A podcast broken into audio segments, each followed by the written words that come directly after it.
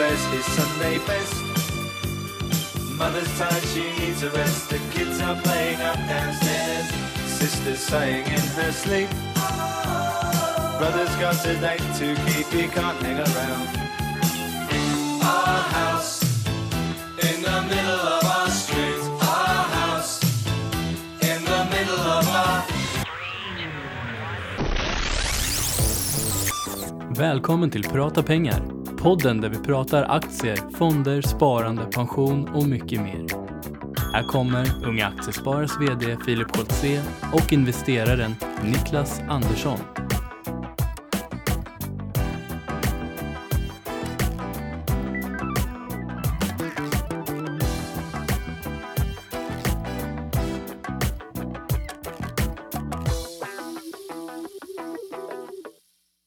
Då säger vi god morgon och varmt välkomna till podden Prata pengar. Äntligen fredag morgon Niklas. Äntligen fredag. Vad säger du? Börsen stänger ju snart. Det är bara en dag kvar på börsveckan så får vi vänta till måndag. Ja det är sant. Det är Ja. sant. Det är alldeles många dagar utan, utan volatilitet i portföljen. Men jag tror att den isländska börsen är öppet på lördagar. Så är det så att man är lite, att man har abstinens så, så finns det alltid börser att titta på. Så är det. Du, vi har en jättefin gäst med oss idag. Varmt välkommen till, ska du få presentera Niklas? Det är du som har bjudit in. Varmt välkommen till Prata pengar David, Amastens VD. Jajamän, Fastighetsbolaget Amasten ska tilläggas. jajamän. Berätta lite om dig, för de som inte, vi kan börja med, med dig som person såklart. Vem, är- vem är du för våra lyssnare? Eh, Jag är David Dahlgren, jag är VD på Amasten sedan eh, för två år tillbaka. Dessförinnan har jag jobbat på eh, ett flertal olika fastighetsbolag. Dels ett företag som heter Aberdeen, ett företag som heter Tavistock, jag var Nordenchef. Eh, Och en gång i tiden så började jag min karriär i finansbranschen, är rätt många år sedan nu, så jag har varit i fastighetsbranschen i ungefär 15 år. Spännande. Finns det stora likheter mellan de här branscherna? Jag skulle säga att det finns en föreställning att branscherna är väldigt lika, att man ofta tenderar att klumpa ihop fastigheter med finansbolag och banker i, i olika aktieindex och så vidare. Men egentligen rätt stora skillnader. Det finns, jag kan säga att likheten kan man, det finns en li, tydlig likhet i att vi liksom bankerna välkomnar eh, alla kunder efter sedvanlig kreditprövning. Vilket skiljer fastighetsbolag från en del andra liksom konsumentbolag och liknande. Ja. Det vill säga att, att det finns en inträdesbarriär för att bli kund. Just det. att man måste vara kreditvärdig och så vidare och inte ha några betalningsanmärkningar och så. Ehm, Men så- där stoppar likheterna kanske? Ja, alltså, så kan man säga att det finns andra likheter i kanske betydelse som man, man är väl då relativt kapitalintensiv. Eh, men kassaflödena är ganska, man behöver kanske Just den här, i synnerhet den här veckan kanske är lite opportunt att ral- raljera mot banker och det ska vi absolut inte göra för det är vår viktigaste vän i fastighetsbranschen. Så är det. Men eh, det finns en likhet så tillvida att det är en ganska kapitalintensiv bransch. De är ju också så här, beroende av varandra ganska mycket. Så att, eh, Det hänger ihop ändå. Ja, det gör det. Så det finns likheter så tillvida att vi behöver inte ut, nödvändigtvis ut och sälja varje dag. Nej, Vi har inte en konsultlåda som är beroende av att kunna liksom ha ett bra eh, flöde för att kunna debitera och så vidare. Så, att, Just eh, så den andra likheten är väl att vi liksom bankerna tjänar pengar även på julafton. exakt. ja men intressant. Vi brukar alltid börja den här podden med att prata lite om veckan som har varit. Hur har din vecka varit Niklas? Ja men den har varit bra, som vanligt den har varit väldigt intensiv. Jag var i Sundsvall i helgen och gästade unga aktiesparare där uppe, man kan säga MP3s hemstad. Just det. Vilket också är ett fastighetsbolag då. Träffade unga aktiesparare där uppe och på vägen upp måste jag bara berätta, det träffade en konduktör på tåget. Ja. Tidsoptimist som jag är, opportunistisk tidsoptimist. Jag stod där hemma, skulle till stationen, till centralen, eller centralstation blir det ju då i det här fallet, och höll på att missa tåget, avgången och visste inte riktigt vad jag skulle göra. Så jag fick en vän, skjutsade in mig, sprang in, hittade inte tåget, försökte leta vart tusan är tåget?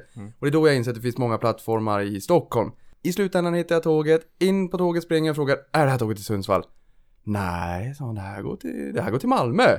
Va? Säger jag. Nej men det går inte, nu håller jag på att nej jag skojar, lugn, här ska man inte stressa, lugn, lugn, lugn. Och så han, nu går du och sätter dig på plats 1 till 20, välj själv. Ja, tänkte jag, gick jag dit, så var det första klass. Nej, men det kan nog inte stämma. Så vågade jag inte riktigt sätta mig, jag väntade en stund och sen lite försynt efter en stund så satte jag mig. Och så kom han. Så, men det här är ju första klass, ska jag verkligen sitta här? Lugn, ingen stress, sitt här, ta det lugnt. Sen när folk fick mat så kom han sen och gav mig mat. Så tänkte jag, det här må, jag måste ge igen någonting. Och då sa han, han kom in en stund sen och sa, men var ska du då? Och så här, men jag ska upp till Sundsvall och prata aktier. Och så, jaha, aktier, men det där med aktier är kul. och det var början på en fyra timmars diskussion upp till Sundsvall om aktier. Nu kommer jag och kontakta honom i efterhand och, och, och hjälpa honom en liten stund och prata aktier och sparande och hur man kommer igång. Så jag fick fika och jag fick kaffe och sen sa jag, han frågade om jag ville ha en läsk. Nej, sa jag, det, det är nära beachen, den här öppningskolen till sommaren har redan gått så att jag måste ta det lite lugnt. Just det. Kom han efter en stund med en Coca-Cola light och klappade mig på axeln och sa där går nog bra. Så att ett stort Bra tack till, till, till världens bästa konduktör, det var väldigt trevligt. Kul. Sen i Sundsvall såg jag en livslevande elstolpe med mycket spänning. Det är nya bolaget Garo som har kommit till börsen som gör de här elstolparna. Just det. Eh, En sån såg jag faktiskt i Sundsvall, så det var lite kul. Sen vidare, aktieinkomster på Twitter. Eh, rekommenderade mig som veckans Twitter-profil. Ja. var väldigt roligt och det Jättekul. gav väldigt många följare så det tackar jag för. David som driver kontot aktieinkomster på, på Twitter. Så in och följ om ni inte redan gör det. En sista, jag ska försöka skynda mig. Ja, det en av de sista. Albin Larsson, Nia Blodrum på Twitter tackade oss. Och sa tack prata pengar, jag har köpt min första aktie och det är precis det, Det här vi vill komma åt. Verkligen. Vi vill liksom motivera och inspirera och få folk att ta det här första steget och komma igång med sitt sparande och det har han ju precis gjort. Och delar även med sig av det, vilket är kul. Vidare, jag var på Avanzas bolagsstämma, Avanza där jag själv då jobbar. De noterades 2001 och totalavkastningen, kurstillväxt plus utdelning har varit 3295% sedan start. Eh, vilket är en makalös siffra. Var det därifrån den här bilden togs? Ja, Ja. precis. På dig på Twitter där du inte ser så munter ut. Ja, nej jag satt och såg lite väl sammanbiten Ah, okej. och fokuserad ut för det var en följare på Twitter, det här var nämligen livesänt, Ja. eh, stämman. Ja. Och då poppar det upp i telefonen när jag sitter och twittrar så poppar det upp en bild där, där någon har, där, på, på eh, Twitter har eh, tagit en printscreen, dubbel utdelning heter han på Twitter. Han tog en printscreen på mig och la upp på Twitter och säger, säg, ni får ursäkta språket, det står, se inte så jävla glad ut Niklas, det är kul med stämma. och det var den, men jag var fokuserad. Eh, Bra. Eh, Har du någon sista från veckan? Jajamän. Ja. Eh, det har ju varit väldigt, väldigt volatilt kan man säga, eller det har mullrat lite grann i banksverige. Yes. Vi har dels haft eh, Swedbank Mm. med, med ordförande och VD Anders Sundström och Mikael Wolf som inte har fått ansvarsfrihet. Nej. Eh, och sen har vi också Nordea med Panama. Så det har varit väldigt jobbigt i banksverige, det har varit väldigt stökigt så att säga och nu såg jag i Dagens Industri här på morgonen att det var miljardböter som vankas, man vet inte vart det där slutar. Men börsen är minus 2,02 sen i måndags. Och sen är det minus 2,55 i inledningen på det här kvartalet. Vi har ju ett nytt kvartal då i och med Q2 1 april. Och sen är det sist men inte minst utdelningssäsongen. Det regnar pengar på börsen, utdelningar kommer in och jag märker att det finns en viss korrelation mellan utdelning på börsen och vädret där ute. Det har regnat flera dagar i rad. Så att så fort utdelningarna har landat, det har börjat torka upp, solen börjar lysa, de utdelningarna återinvesterade så ser jag fram emot lite varmare och, och finare väder. Det var min vecka. Det var din vecka. Mm. Det var ingen dålig vecka. Nej, Jag, jag har haft en lite li- liknande vecka som du. Jag var i Umeå och träffade Unga Aktiesparares lokalavdelning där och föreläste tillsammans med, med Aktieinvest vd Therese Lundstedt.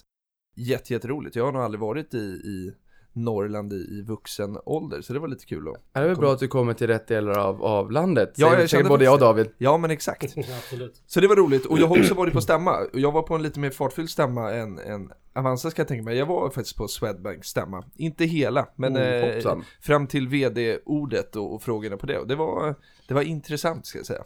Det är lite... eh, jag- jag vet inte vad man ska säga om den där. Ja, jag vet inte ens om det finns i, äh, det har det säkert gjort, men jag kan inte minnas att, att det har varit sån här turbulens i en bank i Sverige, Nej. i, i nutid i alla fall. Eh, och lite grann, vad händer nu? Nej. Varken ordförande att eller... se. Det återstår att se och det Men ska bli väldigt intressant. Och då vill vi fråga dig David, hur har din vecka varit? Den har varit eh, fartfull, Ja. intensiv. Eh, Vi eh, jobbar kontinuerligt både med eh, den befintliga portföljen. Så vi kan hitta lite nya affärer att göra och kanske säljer någon kåk också. Så Mm. Kan du berätta mer om den befintliga portföljen? Hur, hur ser Amastens bestånd ut? Idag är har det ett fastighetsvärde sammanlagt av ungefär 2,1 miljarder. Mm. Vilket är eh, sex gånger större. Förlåt, fem, vi har vuxit med 500 procent sen, eh, ja, sen 2014. Alltså, så under de senaste två åren. Så det har hänt en del. Mm. Eh, så vi har gått från 350 miljoner och fyra anställda till 2,1 miljarder och 30 anställda lite drygt. Mm. Vi har 2500 lägenheter. Eh, Så att vi är ju i huvudsak ett bostadsbolag. Vi fokuserar på bostäder i bästa läge i mellanstora orter. Runt, eh, runt storstäderna runt universitets och högskoleorter men inte primärt i storstäderna. Nej.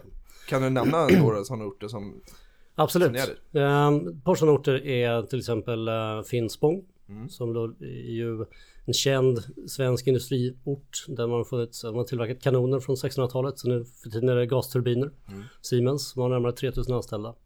Eh, som är deras globala utvecklingscenter för gasturbiner och huvudsakliga produktion. Du har två mil till Norrköping, du har fem mil till Linköping. Så du har bra pendlingsavstånd till två eh, högskoleorter.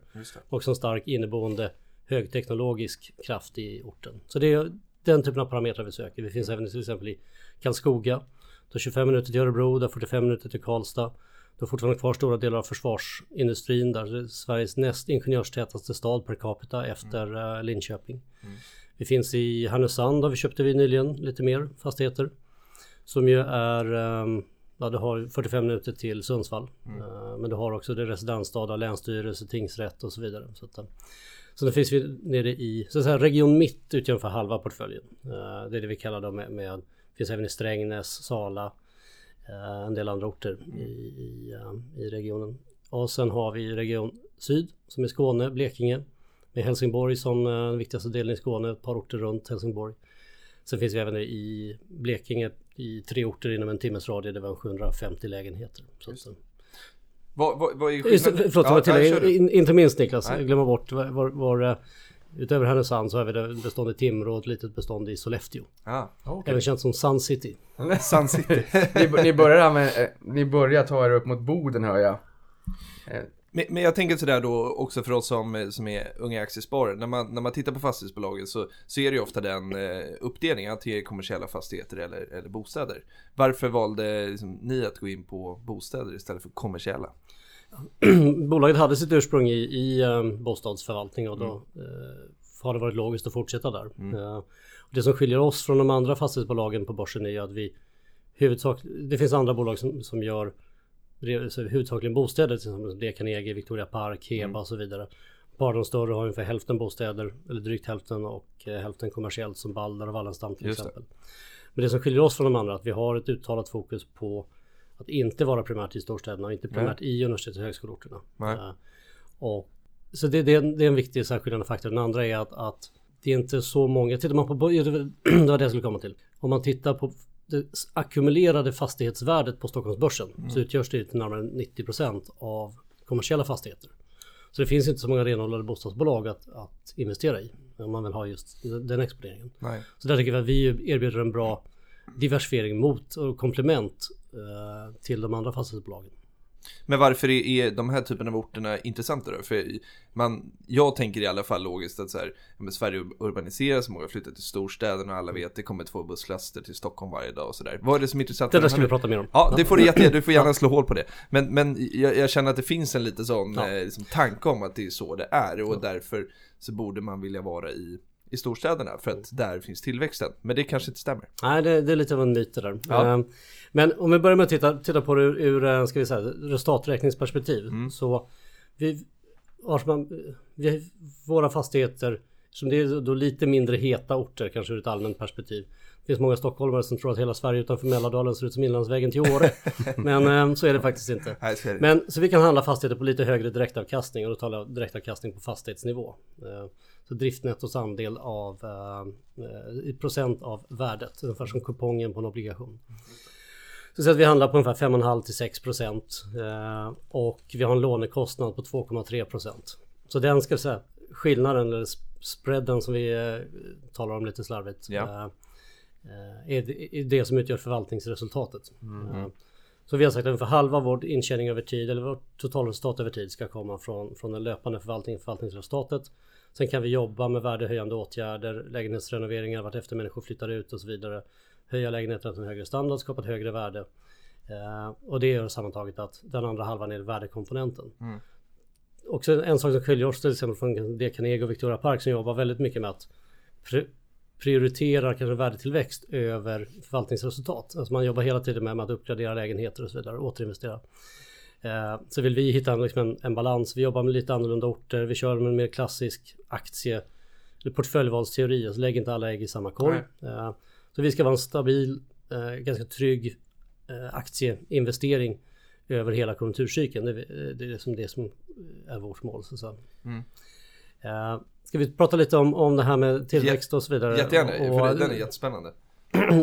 Det som är intressant om man tittar på eh, våra orter och det finns även i de presentationer vi har på nätet att, Mm. att vår befolkningstillväxt har legat eh, Tittar vi de senaste 15 åren så ligger våra orter precis i snitt med Sverige utanför de tre storstadskommunerna. Eh, så att befolkningen har ökat med ungefär 9% de senaste 15 åren. Mm. Uh, I Stockholm, Göteborg, Malmö så ligger man närmare 20%. Okej. Eh, men det är intressant just det här du talar om två busslaster med nyanlända stockholmare Ja. per dag. Och då, jag läste det här en gång i tiden, åh fantastiskt, det väller in nyexade ingenjörer och, och unga hungriga insecure overachievers som vill till storstaden och, och skapa lyckan. Men de är inte så många som man tror. Utan eh, VSP och Stockholms handelskammare tror jag som gjorde för två år sedan en, en genomgång av det där. 40 av de, av de här 100 som kommer per dag då i snitt så är 40 nyfödda barn. Då, så jag ska också tillägga, de här siffrorna är då två år gamla så det kan ju förändras något. Men då var det 40 var nyfödda barn, 46 var invandring, primärt anhöriginvandring. Vi är uppe i 86, sen var det väl ytterligare nio som var utlandsfödda svenska medborgare som flyttade från annan ort till Sverige. Eh, och de sista sex var sådana här svennebananer, eller si- sista sju var sista sådana svennebananer som jag själv som flyttat från, från uh, Katrineholm i, i hopp om ett bättre liv. Eh, inget ont om Katrineholm som är en fantastisk stad på många sätt. Eh, eh, inte minst Göran Persson är ju därifrån. är Just det. eh, Kanske stadens mest kände man. Men så det är Men- lite myt att tillväxten finns bara i storstäderna. Ja, exakt. Så, så, så att det, det är ju eh, dels det. Så att det är inte så att eh, det är inte bara, definitivt inte bara Stockholms, eh, storstäderna som växer. Nej. Eh, så det är befolkningsökningen varit större. Eh, men det har, den har ju ökat liksom överallt. Så men den, den är större. Sen är, en annan viktig parameter är att titta på sysselsättningsutveckling, alltså arbetsmarknaden och så. Tittar man våra orter så har vi legat väldigt stabilt på 75% sysselsättningsgrad. Det vill säga att sysselsättningen växer i, i takt med befolkningen. Eh, så vi ligger då en, en två procentenheter under Stockholm. Men vi ligger d- Sen ligger Göteborg på 71 om jag minns rätt och Malmö ligger någonstans 60-65. Okej. Så att, eh, Mm. Det är också en viktig faktor att våra orter är Det är inte den kanske den explosiva tillväxten befolkningsmässigt eller om man tittar på andra parametrar. Men det är väldigt stabil, trygg över tid. Just det. Jag tänker på den här direktavkastningen som vi pratade om tidigare. När man tittar på en fastighet. Ehm, och att den ligger någonstans mellan 5,5 till 6 procent idag och att man har en fundingkostnad eller en kostnad för att finansiera sig på runt 3 procent. Hur, hur har den sett ut över tid? Är det här en normal nivå att man ligger på 5,5 6? Ehm, och, och just kanske finansieringskostnaden också på 3 procent. Den borde väl rimligtvis vara lite högre om man tittar i backspegeln. Eh, hur, hur har det sett ut där? Ja, man kan säga så här, historiskt sett så har ju både räntekostnader och direktavkastningsnivåer på fastigheter legat högre. Man, man backar bandet eh, bakåt i tiden. Men eh, och vi har tittat på, det finns även i vår presentation på nätet att att där finns det styrräntenivån eller tidigare motsvarigheten bak till 1850-talet. Så att historiskt har ju den, om vi tittar på den korta räntan legat på runt 4% om man tittar de senaste 150 åren. Eh, Men den har ju, tittar man på den kortare, alltså de närmaste 20 åren så har den legat kanske på, på 2 och nu är vi nere liksom under noll och Riksbanken säger att styrräntan ska bli positiv årsskiftet eller den ska bli plus minus, eller hamna på nollstrecket årsskiftet 17-18. Vara 0,54 i början på 2019. Så vi är ju en historisk lågräntemiljö. Men det är också en konsekvens av att inflationen är låg, tillväxttakten är låg. Eh, Men jag tror också att vi har ganska lång tid framåt med eh, låga räntor. Men så man kan säga, tittar man på realräntan kontra direktavkastningen, eh, ska vi inte bli alltför teoretiska här. Nej men det är okej. Så, och framförallt tittar på våra orter så är det fortfarande en ganska stor spread så att säga. Eh, Men ska man köpa bostäder i, i Stockholmsområdet så kanske direktavkastningen är nere på 3 procent. Ja, det. Och hur är det där? Är det som, som vi när vi sitter och tittar på aktier, att man tittar på lite fastigheter och tittar nästan på, på direktavkastningen på fastigheterna innan man är där och klämmer och känner på dem? Eller hur funkar det när du, från det att du börjar fundera på en fastighet till att den är inköpt och finns i portföljen? Hur ser den värdekedjan ut? Det, var, det vi väger ihop i en kombination av faktorer. Det, eh, säg att det är en ort som vi, som vi redan är verksamma i, ja det vet vi ofta.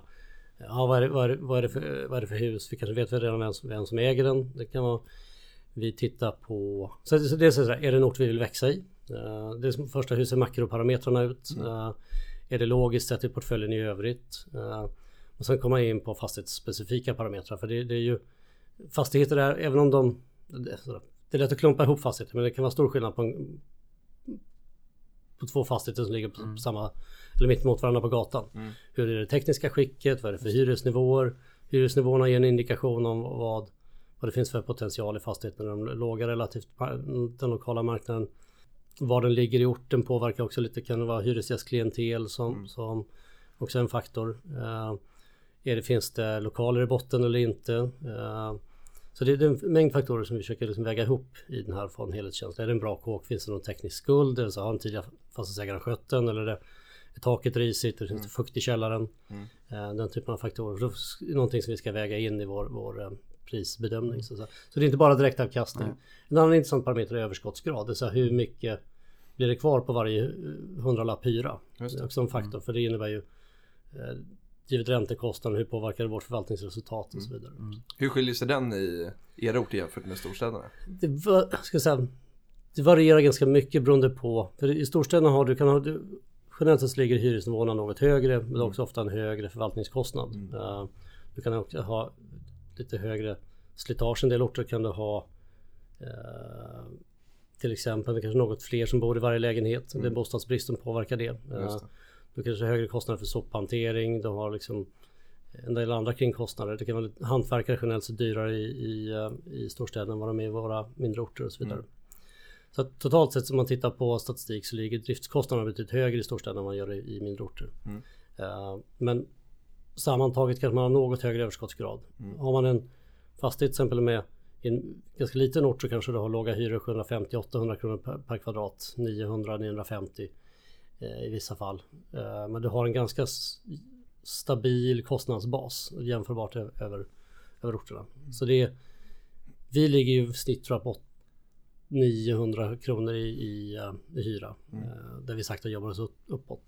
Eh, Så att vi ligger kanske något lägre i överskottsgrad. Men det är liksom en, en del i vårt interna arbete att över tid höja den. Att, eh, Men den överskottsgraden där, är det så att ni vill köpa fastigheter som har en hög överskottsgrad eller en fastighet som har en, en lägre överskottsgrad men där ni ser potentialen att faktiskt höja den själv i och med att ni då arbetar och förädlar den här fastigheten?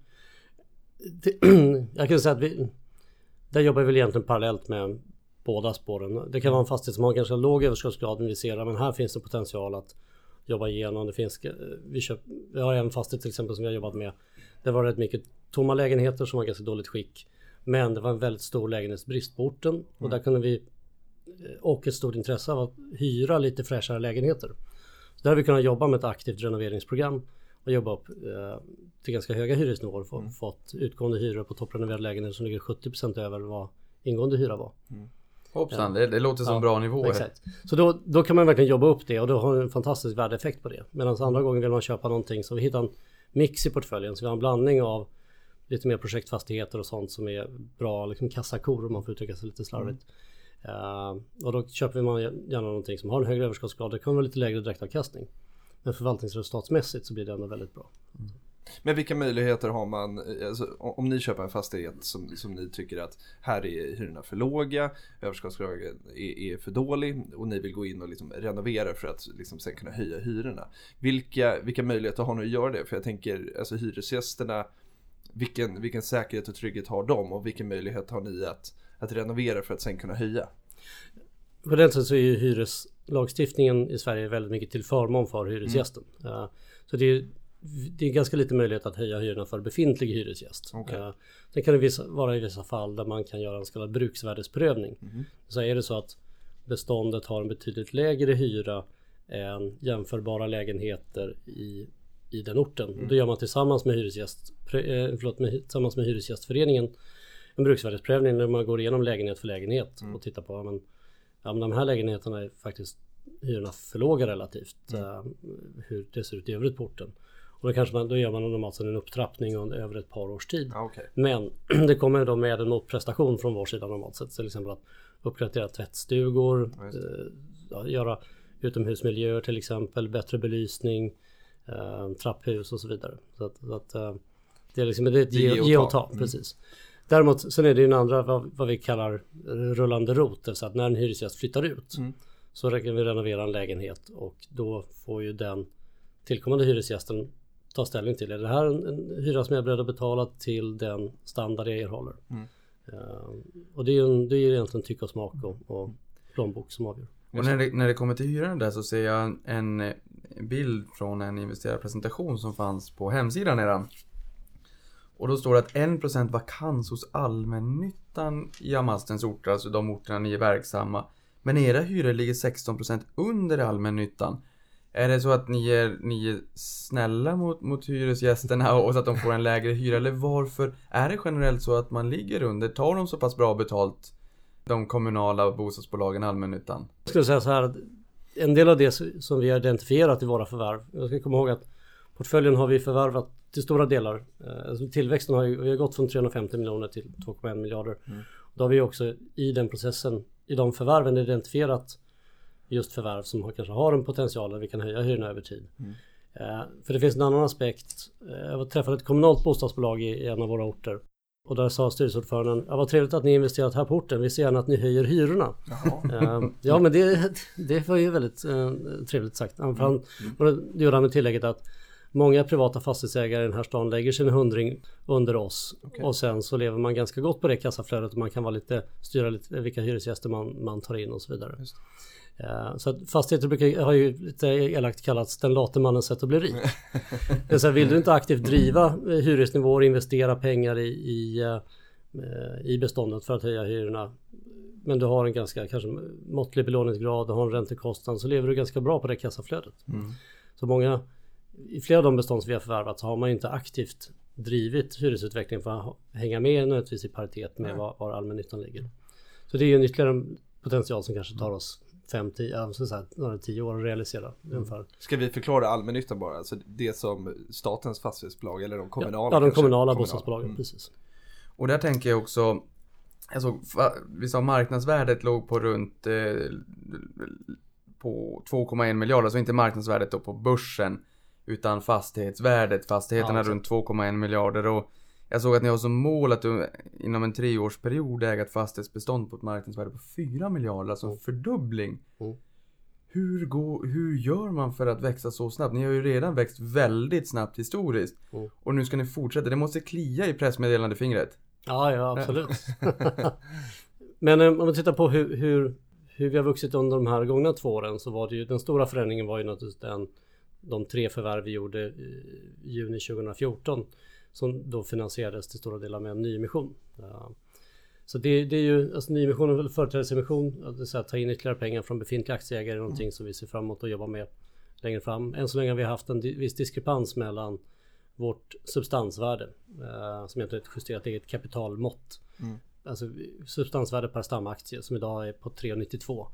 Och det är det vanligaste måttet man tittar på eh, fastighetsbolagsvärderingen, en substansvärde. Eller aktiekurs kontra su- substansvärde per, per stamaktie. Eh, så där handlar vi, handlas väl vi runt en 20-25% rabatt mot substansvärde. Eh, så det har gjort att det varit lite mindre opportunt att ta in pengar den vägen just det senaste året i alla fall. Så det vi också kan jobba med är höja belåningsgraden något. Vi, något. Vi ligger runt 60% idag. Vi har som ett finansiellt mål att understiga 70% över konjunkturcykeln.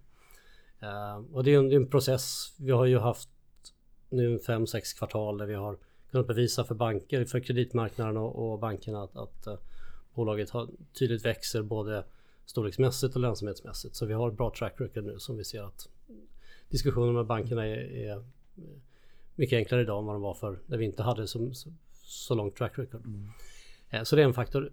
Och sen kunna jobba med, i de affärer vi har gjort så har vi också jobbat med att dels eh, låna pengar av säljarna i form av, av säljarreverser på en- tre till fem år. Eh, Vi har också jobbat med att emittera aktier som delbetalning till säljarna, det så kallade apport, apportemissioner.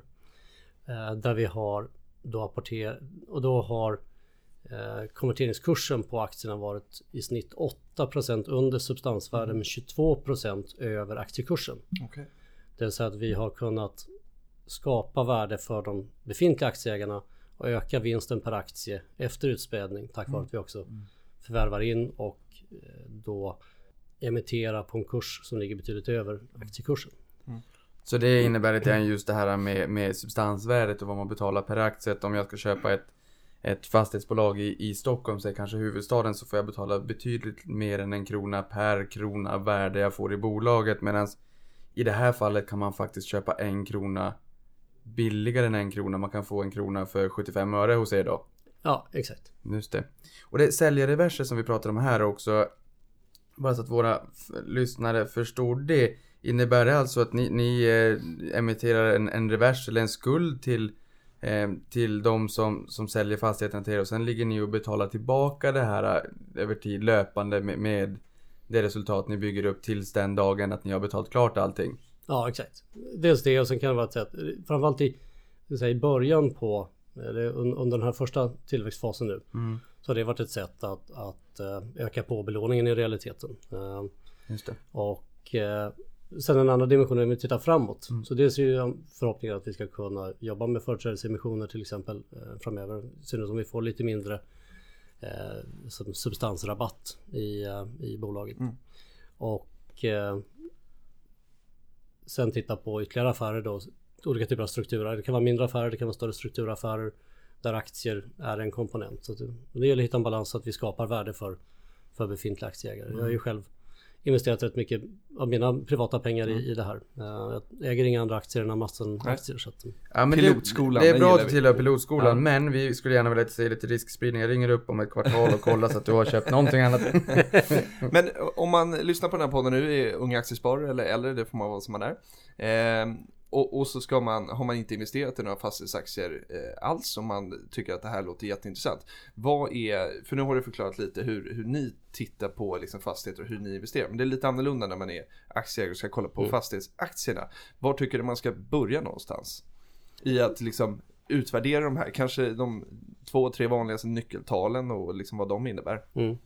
Ja men ett, ett, vanligt är ju ehm, just det som vi har talat om, Ja. substansvärdet. Så, som, som är, sen beror det lite också på vad man har för kanske för, för personlig preferens och riskprofil. Det finns en, vill man ha ett, ett, till exempel en stamaktie som är ganska hög utdelning om det är en viktig faktor så, så eh, har ju varit ett ganska vanligt mått att titta på. Eh, sen tittar man ju på, alltså det P talsvärdering är inte lika vanligt i fastighetsbranschen. Nej. Det, Varför är det så?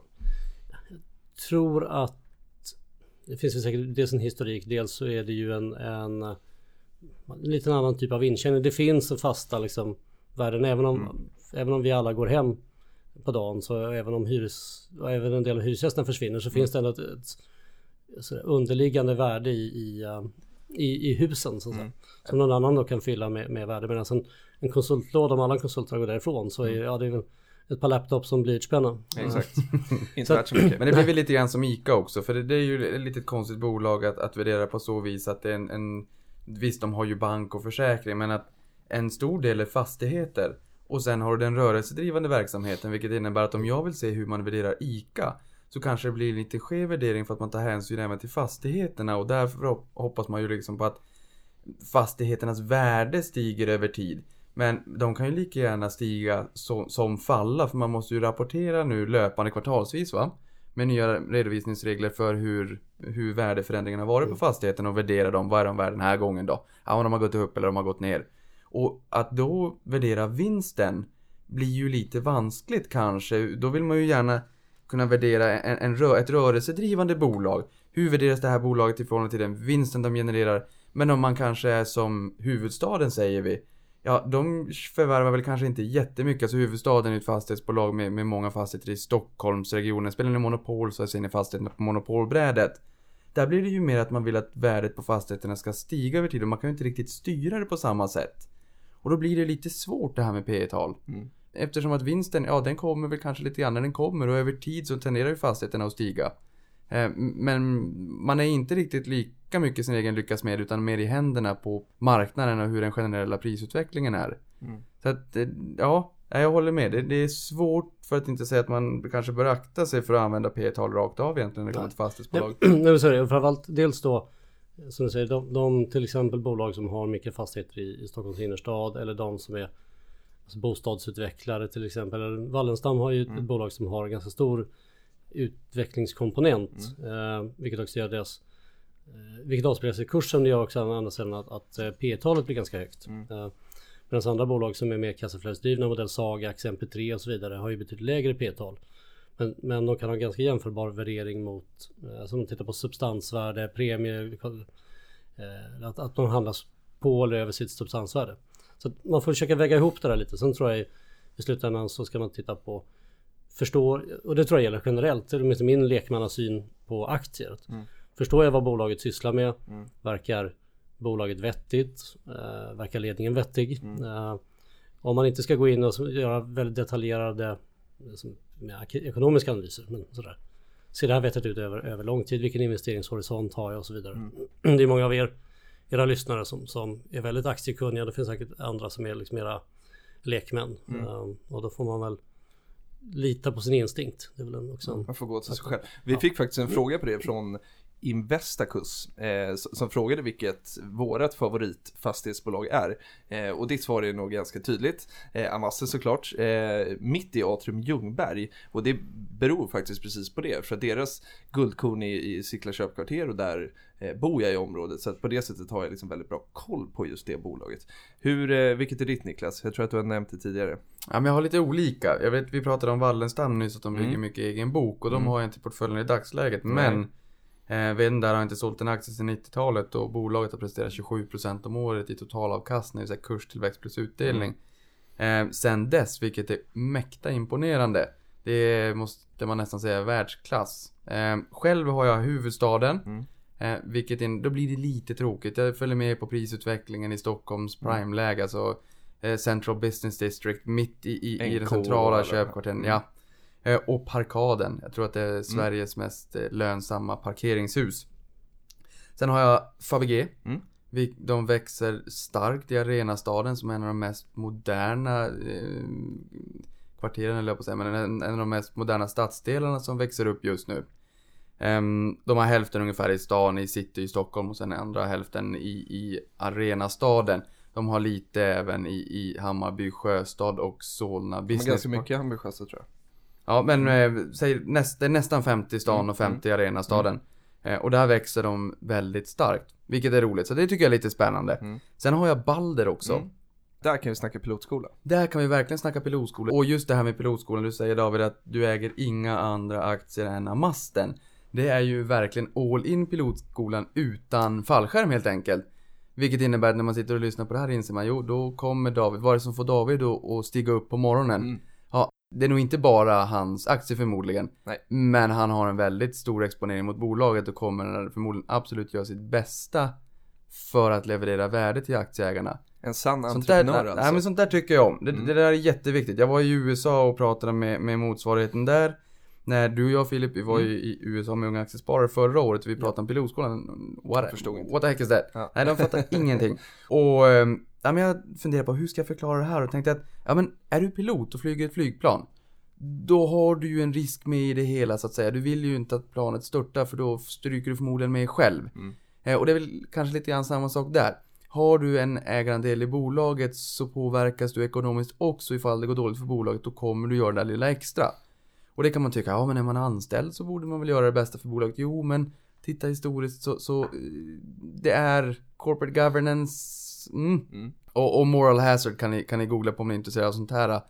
När, när det är bra aktieägarnytta kontra, kontra att man skor sig själv i bolaget, vilket kanske är vanligare och mer historik från andra sidan pölen i USA. Men det är viktigt att man har en risk med i bolaget själv och gör det där lilla extra. Så att pilotskolan är någonting vi tittar extra på. Det är kul också att, att David faktiskt följer den.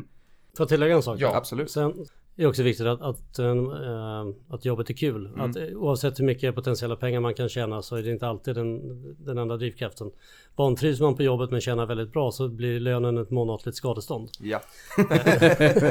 men också tittar man specifikt i USA, det finns ju en del exempel där vd inte har någon, någon lön överhuvudtaget utan bara aktieprogram. Mm. Och det har ju lett till att en del bolag gör väldigt stora återköp av, mm. av aktier för att driva aktiekursen och berika sig själva. Mm. Istället för att investera i bolagets utveckling. Mm. Så det är, det är, lite tvegat just, mm. just där. Så det är viktigt att man, man känner för affärsidén, känner för sina övriga aktieägare, känner för sina kunder. Uh, för det är på kunderna det, sådär, det är på kunderna som bolaget tjänar sina pengar. Ja. Det ska inte ske på bekostnad av kunderna. Nej, utan det ska tillföra. Och så är det med våra hyresgäster också. De ska ju trivas. Vi vill vara en bra hyresvärd. Mm. Ha en väl fungerande felanmälan och, och folk ska känna att det, vi tar väl hand om huset. Mm. Ja men det där, det där är en bra poäng och det där kanske vi också ska göra ett medskick att Verkligen. peng- pengarna är ju verkligen inte allt. Nej, det är ju att inte man, det. man ska göra det man tycker är roligt och man ska vakna upp och på morgonen och känna att här, här gör jag ett, ett avtryck. Det här är något som jag faktiskt tycker är kul. Ja, för då höjer man väl också, precis som du säger, eh, möjligheterna för att liksom kunna tjäna pengar på det också. För tycker man inte kul så gör man nog ett dåligt jobb och då, då blir det inte så bra. Man kanske inte ska gå dit och, och göra sitt jobb för att få in pengarna utan Nej. pengarna blir ett resultat av att man har roligt Exakt. och gör ett bra jobb. Exakt. Eh, Men lite intressant där med, med Erik Selin som också sitter i, i förarsätet när det kommer till pilotskolan. Jag tror han har en bit över 40% av, eh, av Balder. Mm. Och som 24-åring så gick han in på Handelsbanken och tjatade till sig sina första miljoner för att köpa en fastighet. Och idag tror jag mig veta att det är det största fastighetsbolaget på börsen sett till marknadsvärde på fastigheterna. I Norden tror jag till och med. I Norden Ja, till och med. Det är en makalös resa och de är ju med i ägarlängden på Amasten. Hur ser er relation ut? Nu vet jag att du skulle säga något, men ta det först och det sen då. Nej, men det, en, en annan aspekt på eh, fastighetsbolag är ju också om man tittar på de som har track record modell Wallenstam, Balder. Balder har ju väl, hade väl ett marknads eller ett fastighetsvärde på 6-6,5 miljarder ungefär i samband med börsintroduktionen för ett tiotal år sedan. Nu är man väl uppe på 67 miljarder tror jag i fastighetsvärde. Börsvärdet är väl 30-35 miljarder uppskattningsvis. Så det är ju en, en tiodubbling på, på lika många år. Ja, Det Otroligt. och om man tittar på ett bolag som Sagax när det eh, noterades väl 2002, 2003 någonstans där tror jag. Jag, tror att, mm. nej, jag tror man hade ett eget kapital på 200 miljoner. Okej. Eh, Så att, jag tror även det var Fabege eller Wihlborg som en gång i tiden eh, ursprungligen, eller en gång i tiden hade 90 miljoner eget kapital. Det var vad Amasten hade för två år sedan. Ja. Men, men Fabege är ett betydligt större bolag idag. Så, Herregud. att, så att det, med tid, alltså, fastighetsbranschen krävs lite tid och tålamod, timing och affärskänsla. Så, så därmed är det inte sagt att vi når upp kanske till eh, de 40-67 miljarder som, som Fabege respektive Balder har nu Nej. i, i fastighetsvärlden. Nu, jag griper siffrorna lite i luften så, så det finns ju goda förutsättningar med tid och tålamod och, och timing och affärskänsla att, att kunna växa betydligt under de här. Det är långsiktigheten som vi tjatar om hela tiden. Exakt. Ja men så ska det ju vara. Ja, Jag menar för jag vet eh, Balder och Erik Selin gjorde ett omvänt förvärv 2005 av Enlight.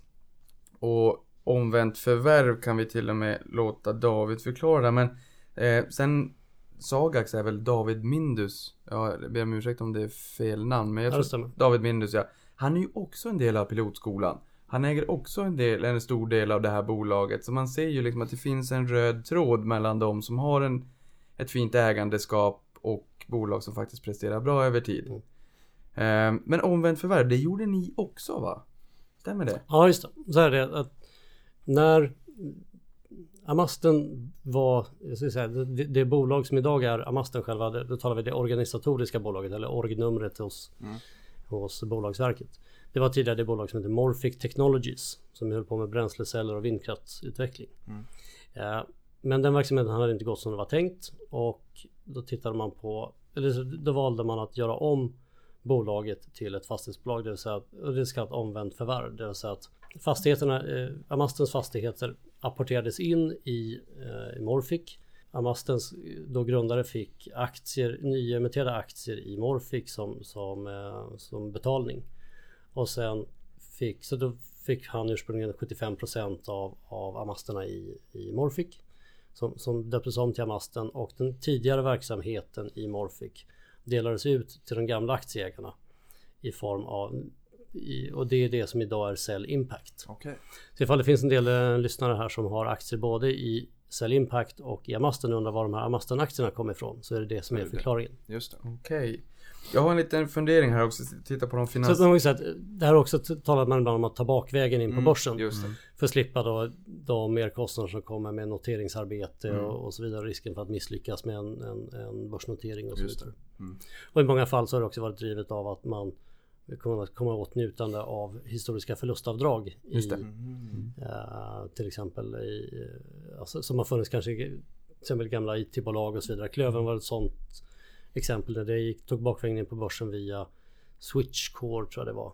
eller ad, ja, ett sånt IT-bolag. Det fanns historiskt upparbetade förluster. Mm. Eh, vilket gör att man kanske inte behöver betala så mycket skatt. Ja. Så det innebär att om ett bolag har väldigt många, eh, väldigt stora ackumulerade upparbetade förluster så finns det egentligen ett värde på det då med andra ord. I och med att man kan köpa in ett sånt bolag och, och dra av de här förlusterna mot resultatet under kanske en ganska lång tid. Exakt. Just det. Jag sitter och tittar lite grann på de finansiella målen också. Och du har ju varit in på de här tidigare, men just avkastning på eget kapital under en femårsperiod ska uppgå till 10 till 12 procent. Belåningsgraden som du sa skulle inte överstiga, eller ska understiga snarare 70 procent långsiktigt. Och sen räntetäckningsgraden på bankfinansieringen ska långsiktigt överstiga 150 procent. Alltså 150 procent, det ska gå att täcka räntekostnaderna med god marginal. Mm. Vi pratade tidigare om att direktavkastningen på fastigheterna ligger någonstans på 5,5-6 procent.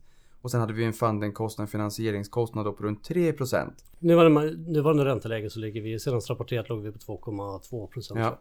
Men om vi då vill ha 10-12 procent avkastning på eget kapital. Förklara så att vi förstår det här. Om man köper en fastighet för med en direktavkastning på 6 procent. Och sen maximerar vi belåningsgraden på den fastigheten till 70 procent. Nu blir det här siffror, vi har ingen kalkylator här så att vi får köra grovhugget bara. Blir det inte en, en högre avkastning på eget kapital i det fallet tänker jag? Om det är så att man då har ganska bra direktavkastning på fastigheten, vi säger 6% och så maximerar man belåningen. Borde vi inte, om vi redan får 6% initialt eh, obelånat, borde vi inte kunna få upp det ännu högre kanske än 10-12 då? Det hänger ihop med, med två faktorer. Mm, Dels mm. vilket uh, förvaltningsresultat du genererar. Det du talar om Mm. nu egentligen. Så att vi, jag ska ta exempel. Så att vi, vi köper någonting för 100 som genererar en, en direktavkastning på 6 och sen så har du, du har lite förvaltningskostnad eller lite central administration. Mm. Så att vi bakar in det i, räntekostnaden så totalt 3 procent. Mm. Så har du egentligen 3 kronor då på, på eh, fastighetsvärdet som, som är Eh, fastighetsvärde på 100 så har du 3 kronor kvar men så har du då kanske vad ska vi säga eh, du har ett eget, men du har ett eget kapital som vill säga så att du har lånat 70% så har du satsat 30 kronor Mm. eh, och på de 30 så får du 3 Mm. så då är det 10 Mm. eh, direktavkastning på det eh, så det är om man ska förenkla parametrarna fastighetsvärde 100 Mm. 30%, eh, 70% belåning, 30% eget kapital, Mm. det är 30 kronor. Mm. Sen som genererar 3 kronor, det är 10% på det. Mm. Har du dessutom en liten värdetillväxt så fastigheten är värd 110. Ja då har du ju fått väldigt bra. Verkligen. Alltså, om du har gjort någonting i fastigheten så gör att den plötsligt är värd 10 kronor mer. Mm. Så är det så att säga din avkastning på dina 30 kronor. Exakt. Utöver de, de tre. Då. Filip, vi är uppväxta i en tid där det pengar är gratis. Vi, vi glömmer Ja finansieringskostnaden. man dra gör ju det. från Man kalkylen. det. Ja. Men, och, och det är kanske är intressant för, för fastighetsbolagen framåt då om vi tänker att räntan ska stå kvar där den är eller på sikt höjas. Hur, hur kommer det påverka fastighetsbranschen?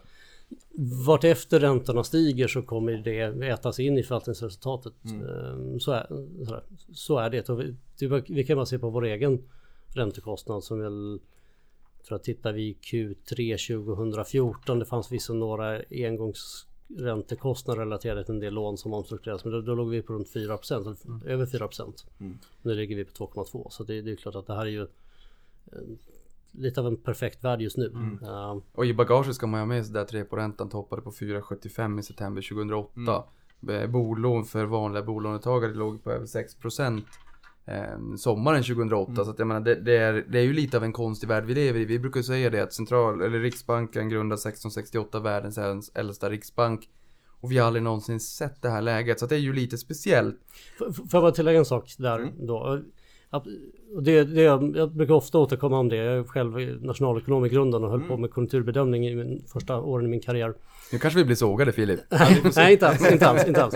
Men och, och då har vi, åt, vi återkopplat till det vi talade om inledningsvis. Den här fastighetsbranschens beroende av finansbranschen är ju att det som, det som händer ibland och det som påverkar avkastningskrav och så vidare. Det är när, när bankmarknaden stramar upp eller liksom stänger för ut, eh, utlåning. Ja, då påverkas ju fastighetsbranschen ganska mycket av det. Transaktionsvolymerna går ner och så vidare. Däremot den underliggande intjäningen i bolagen påverkas ju inte lika mycket. Eh, Jag minns efter i november 2008 strax efter Lehman-kraschen. Då stod ju liksom allting still. Eh, och om jag minns rätt så sålde Scania i november 2008 200 nya lastbilar globalt. Eh, Det är något under vad de ska ligga och sälja. Verkligen. Medan för oss som ett, som ett fastighetsbolag, där hy, hyresgästerna kommer fortsätta behöva bo i sina lägenheter. Så det är inte vi tappar inte så många kunder på Nej. liksom, från en månad till en annan. Nej. Så det gör ju att eh, fastigheter kan uppfattas som lite trött och tråkigt eh, hos vissa. Men över tid så är det en väldigt stabilitet, framförallt i orostider. Vad var det? det finns ett citat som har tillskrivits eh, den här Na- Nathan Rothschild, den klassiska eh, brittiska investmentbanken på 1800-talet. When there's blood on the streets, buy real estate. Det är så att, när det är orostider så, så, så köp fastigheter. Ja. Ja, det känns ju mer rimligt att köpa fastigheter än tulpanlökar på 1600-talet i Holland. Men där, bo- där borde det också Ja. vara så att om det är så att vi kan få bolaget under substansvärde och man, man har ett mål om en, en avkastning på kapital på runt 10-12% Ja, då borde man ju som aktieägare få lite mer än så eftersom att man kan köpa en krona billigare än en krona. Just det. Så det var ju ett, ett medskick. Sen vill jag också bara säga att nu har, inte, nu har inte David sagt det själv, han kanske inte vill slå på den stora trumman, men vi vet ju att det finns ett litet mål om att eh, notera sig på huvudlistan på Nasdaq 2017, så vi håller tummarna. Ni har växt starkt hittills så där klarar ni nog galant kan jag tänka mig. Det får... ja. Ja, vi önskar er varmt lycka till med det såklart. Men och Niklas, jag ska säga så här, för tiden börjar springa lite iväg. Jag ser att eh, Albin Renner från Aktiespararna och Therese Lundstedt från Aktieinvest står utanför och stampar lite, för vi ska spela in Aktiespanarna här om en liten stund, där jag faktiskt är, är ny deltagare också. Så att, och jag vet ju att du har ditt nyhetssvep som du gärna vill dra också, och då tänkte jag ställa frågan till dig. Vill du köra det eller vill du ställa ett par frågor till till David? Jag vill nog köra, jag kan dra mitt nyhetssvep jätte, jättesnabbt Ja. för att jag har några, några frågor till David nu när vi ändå vi har har honom fem här. minuter kvar. Ehm, och sen så gerar vi upp det lite grann så har Ja. kanske de till. Ehm, preferensaktier, jag tror det är många av våra lyssnare som Ja. är nyfiken på det. det. Jag antar och jag, jag är av, av uppfattningen att det är en ganska billig finansieringsform för att man tar den där sista eget kapital när man ska köpa sin lägenhet. Istället för det så kan man eh, emittera preffar som har en lite högre ränta men, men totalen så att säga om man tittar på totala räntekostnader blir inte så hög. Tänker vi rätt? Ja, så, jo det tycker jag. Så, så kan man se det. det, det är ju, preferensaktier har ju blivit ett, ett ganska populärt instrument bland fastighetsbolag generellt. Eh, och eh, dels för att det är på som, så sista delen av, av eh, kapitaliseringen eller, eller liksom finansieringen i ett bredare perspektiv.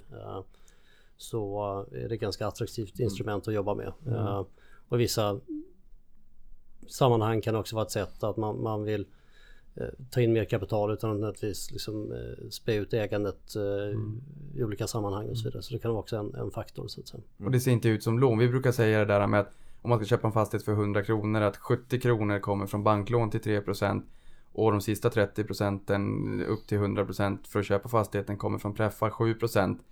Vilket blir 4,2 procent om man väger ihop 70 procent av pengarna till 3 procent ränta och 30 procent av de sista pengarna till en 7 procent i ränta så får vi 4,2 procent i total kostnad om man slår ihop de två. Och du sa här tidigare att direktavkastningen ligger på någonstans 5,5-6% på fastigheterna. Så att man är ju kassaflödespositiv ganska direkt. Mm. Eller direkt, kan man säga. Ja, Och direkt, jag lyssnade på Kungsleden för en tid sedan och hon sa att eh, rekordet var att äga en, en fastighet en dag när det var som hetast 2007. Vad är ditt rekord på, på snabbast ägande? oh, det måste... Det kan även vara så i gamla bolagen, i, in, det behöver inte vara masten. Och du behöver i sådana fall inte säga om det är känsligt vilket bolag det var, utan men när du har varit i branschen. Ja. Nej men det var, det var en, eh, mitt, mitt eh, tidigare jobb så ägde vi en, en lagerfastighet, en frys, fryslagerfastighet i Bergen i nio månader. Den var, vi köpte den när den var tom, vi skrev avtal när den var tom. Och mellan, mellan avtalsskrivning och tillträde så hittade vi en hyresgäst som tog hela fastigheten. Så vi sålde den nio månader senare och gjorde 44% avkastning på eget kapital. Åh herregud. Den som säger att fastigheter är tråkigt. Eh, en annan som är ganska intressant, dolda övervärden. Hur tänker man där? Kan det vara så att man har en fastighet som är bokförd till ett visst värde men på marknaden säger man att just nu tenderar de här att gå för ett helt annat pris. Hur ska man tänka kring dolda övervärden på, på balansräkningen och hur, hur, hur hittar man det? Jag skulle säga att det finns definitivt dolda övervärden. Dock skulle jag säga att när det, eh, när det gäller eh, noterade fastighetsbolag så, så är det så att marknads, det faktiska marknadsvärdet på en fastighet har, har stigit så ska ju det synas på följande kvartal. Eh, det vill säga att vi värderar enligt, IFRS redovisningsprinciper till så kallat verkligt värde. Man till, har, hela tiden har ett marknadsvärde på fastigheterna. Så de, de Den typen av värden ska vi synliggöra så snabbt som möjligt. Eh, också med hjälp av, vi gör ju externa värderingar. Eh, sen kan man säga att sen finns det, det som är mer dolda värden kan ju vara till exempel eh, en sån sak som tomma kontorslokaler eller butikslokaler i bottenvåningen på en fastighet. Där vi ser att här kan vi faktiskt bygga marklägenheter. Alltså, men, för en del mindre orter idag, du har liksom en, en, den här videobutiken på hörnet som betalar 600 kronor i, per kvadratmeter och år i hyra. Kontra att men det är inte så många som går och hyr en film nu för tiden utan Nej. alla streamar ner det och så vidare. Mm. Utan de lever mest på sina smågodis men över tid så funkar det där inte så jättebra. Nej. Då istället, där kan vi se en möjlighet. Om de inte vill fortsätta då kanske vi kan bygga om till marklägenheter lite alltså hand, som är lite handikapp eh, eller åldringsvänliga. Eh, som kanske genererar en hyra som är betydligt så hög, dubbelt så hög som eh, videobutiken genererar. Plus att avkastningskravet är lägre på bostäder än på videobutiker. Så där, den typen av, det är ett exempel Där på det dolt vara värde. Mm. Att vi gör om lokaler eller för den skull då, som vi talade om tidigare också, hyresnivåer på lägenheter som ligger något under eh, marknads, eh, marknadshyran, på, eller sådär, bruksvärdeshyran heter den, på bostäderna. Eh, så den typen av värden som man, som man jobbar fram över tid eller för den skull eh, man har möjlighet att bygga till en, en huskropp på eh, man har en stor gräsmatta där man faktiskt kan då bygga upp en, en bostads bostadskåk till. Ja, då tillskapar man ju värden på, på något som egentligen bara kostar pengar, en, en gräsmatta, Exakt. även om det är trevligt med gräsmattor också. Ja.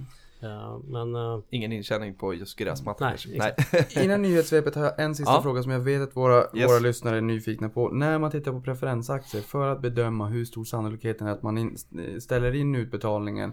Vilken, vilken parameter i, är det man tittar på när man vill veta hur trygg man är att ni har möjlighet att betala ut den här utdelningen på preferensaktierna?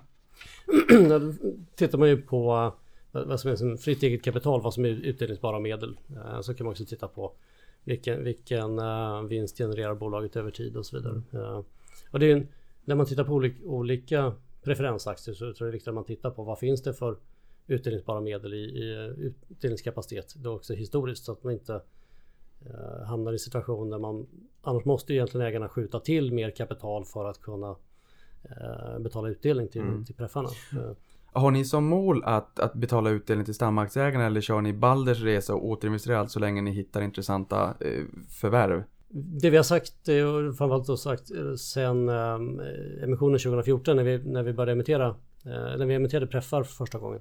Vi har sagt att under uppbyggnadsfasen så kommer vi inte att prioritera utdelning på, på stamaktierna. Men vartefter vi blir större sen så är det något, ett, en, en diskussion vi, vi kommer att ha. Eh, Det, och det är en levande fråga som finns. Eh, Jag vet att en del aktieägare som tycker att man dela ut en, en, en symbolgest på, på ja, eh, dela ut några öre. Så mm. sådär, ha, men tills vidare har vi sagt att vi, det är bättre att vi återinvesterar det i, um, i bolaget för att hitta nya förvärv och utveckla våra befintliga fastigheter. Men över tid så är det väl inte orimligt att, att det kommer en, en viss utdelning även på stamaktien. Men det är absolut inte ett löfte eller en utfästelse. Men, men det, är en, det är en levande fråga.